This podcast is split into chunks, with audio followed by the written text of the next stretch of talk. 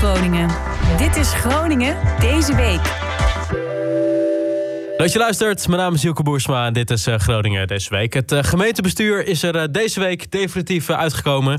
Zodra de horeca weer open mag, geldt er een verbod op het gebruik van lachgas.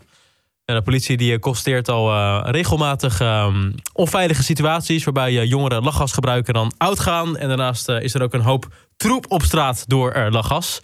En burgemeester Schuiling die uh, ligt uh, verder toe waarom lachgas verboden wordt. Er is erg veel hinder van uh, lachgas. Bovendien klagen de ondernemers erover.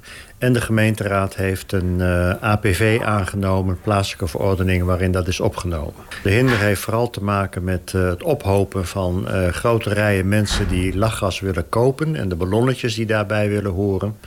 En het geeft ook een bepaald gedrag waar de horeca mensen ook niet echt blij mee zijn. De verkoop is afhankelijk van een wetsvoorstel. Dat uh, moet de staatssecretaris indienen.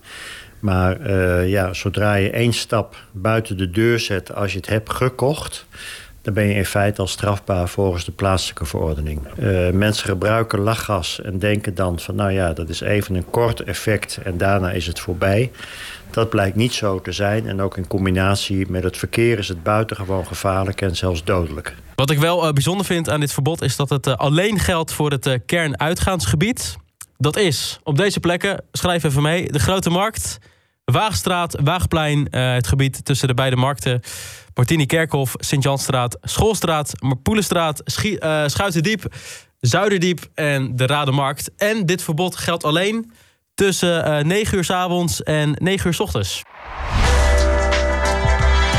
En er komt uh, cameratoezicht in en rond de Volkingenstraat. De afgelopen tijd uh, trokken bewoners al aan de bel... omdat ze zich vaak onveilig voelen daar in de Volkingenstraat. En daarom stelden de VVD, CDA, Stadspartij en de VVD woensdag vragen... om te pleiten voor cameratoezicht. En burgemeester Schuiling heeft dit voorstel gehonoreerd. Het is een terecht verzoek. We hebben al lange tijd aandacht voor het gebied rond de Volkingenstraat en in de Volkingenstraat. Er zijn veel bedreigingen, er is heel veel overlast... We werken eigenlijk langs twee sporen. We bieden hulpprogramma's aan aan mensen die dat nodig hebben. Maar we zien dat het onvoldoende effect heeft. En de overlast blijft. Het verzoek van de gemeenteraad is dus terecht. In de gemeenteraad zijn de meningen wel uh, verdeeld. Zo twijfelen D66 en GroenLinks of uh, camera's het uh, probleem wel oplossen. Je hoort Mirjam Wijnja van GroenLinks. We hebben wel camera's in het uit, uitgaansgebied.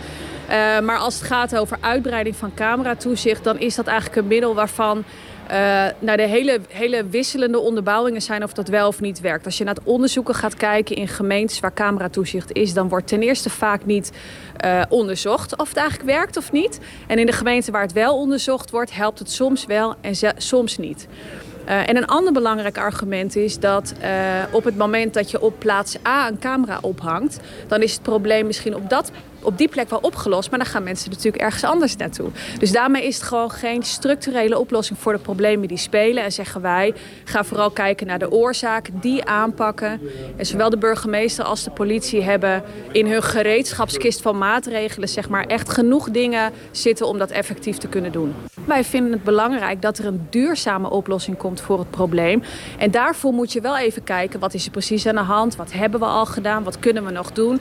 Ik heb begrepen dat dat ook gebeurt momenteel. Dus in die zin is het wel goed dat het onderwerp besproken wordt.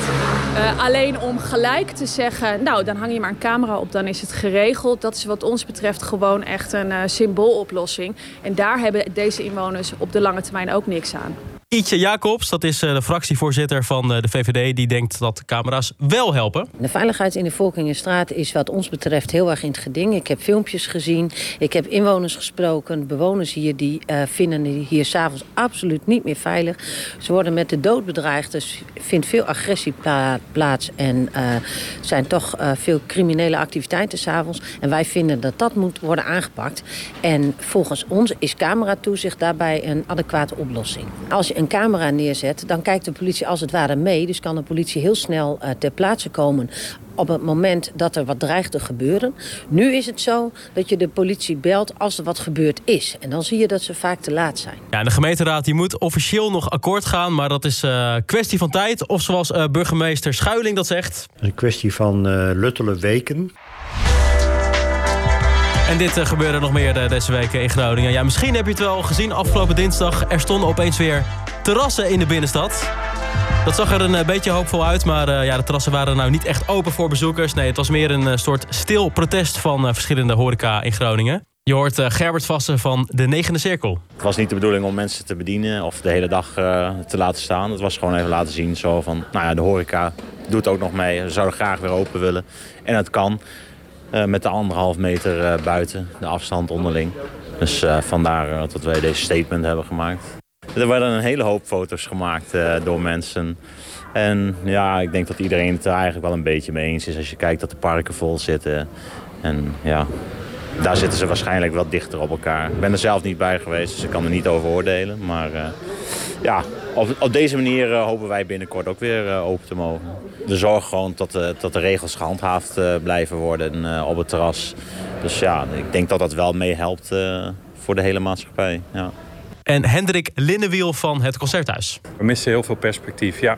Ik hoop toch dat we binnen nu en een paar maanden toch wel weer, weer open kunnen. Maar zekerheid is er niet iedereen is blij verrast. En uh, om, uh, om het terras weer te zien en gezelligheid te zien. En uh, ja, alleen heel jammer dat je er niet op kan zitten. Wat ik niet hoop is dat we open kunnen, weer dicht. Dus ik hoop echt van dan liever nog even doorbijten en open met uitzicht naar volledig weer open. Dan open, dicht, open, dicht. Ja. En dan nog wat uh, positief uh, coronanieuws. De provincie Groningen was in het afgelopen jaar een uh, gewild vakantiedoel voor Nederlanders. Jij ziet het al een beetje aankomen, hè? Ze moeten toch ergens heen. Het aantal gasten uit eigen land nam toe met bijna 10% En dat terwijl er een stuk minder buitenlandse toeristen naar Groningen kwamen. En je hoort camping-eigenaar Jan-Willem Zwieter. Hij is de eigenaar van de camping in het Stadspark. Ik krijg als buitenlanders met name Duitsers. die waren in, in, in mindere getalen. Ik denk 20, 25 procent minder dan, uh, dan, dan andere jaren. De andere buitenlanders, Scandinaviërs, Fransozen, Spanjaarden, heb ik nauwelijks gezien. En inderdaad, de Nederlandse uh, gasten die waren uh, meer aanwezig. Ik denk, ja, ik denk dat het ongeveer klopt, die 10 procent. Juli, augustus zijn altijd drukke maanden. Um, uh, op een gegeven moment zit je gewoon vol. Dus daarmee heb ik de maanden maart, april, mei uh, niet recht kunnen trekken. Hè. In die maanden um, waren de toiletgebouwen nog dicht. Dus dat heeft ervoor gezorgd dat ik daadwerkelijk echt veel minder bezoek heb gehad. Ja. Heb je dan bijvoorbeeld minder uh, tentkampeerders? Nou, die, die kwamen juist wel weer terug in de zomer. Want we hebben nog een hele mooie periode gehad. Maar um, um, uh, lang niet iedereen is zelfvoorzienend. Hè. Uh, caravanmensen waren zich niet zo zelfvoorzienend. Um, en ook campermensen die maken lang niet altijd gebruik van hun eigen douche en toilet. Dus die categorie viel gewoon af in die beginmaanden. En uh, heb je nog verwachtingen voor het komende jaar hoe het dan zal gaan? Ja, het is, het is nog een beetje moeilijk hoe, hoe de opstart zal zijn. Hè? Uh, hoe, hoe lang uh, deze lockdown nog duurt en hoe lang we de avondklok hebben. mijn verwachting is dat ik het nog zeker ga merken in ehm, de eerste, of de, eigenlijk de laatste twee weken van maart en de maand april. En ik hoop dat we gewoon uh, vanaf mei wel weer in normale setting door kunnen gaan. De vrees is echter dat ik met mijn restaurant uh, natuurlijk gewoon uh, de anderhalve meter moet blijven waarborgen. Dat betekent minder zitplaatsen. Dus ik denk ook minder, minder omzet. En tot zover deze aflevering Groningen deze week. Abonneer je op deze podcast via je podcast app. Je kan volgen op Spotify. Dankjewel voor het luisteren en tot volgende week.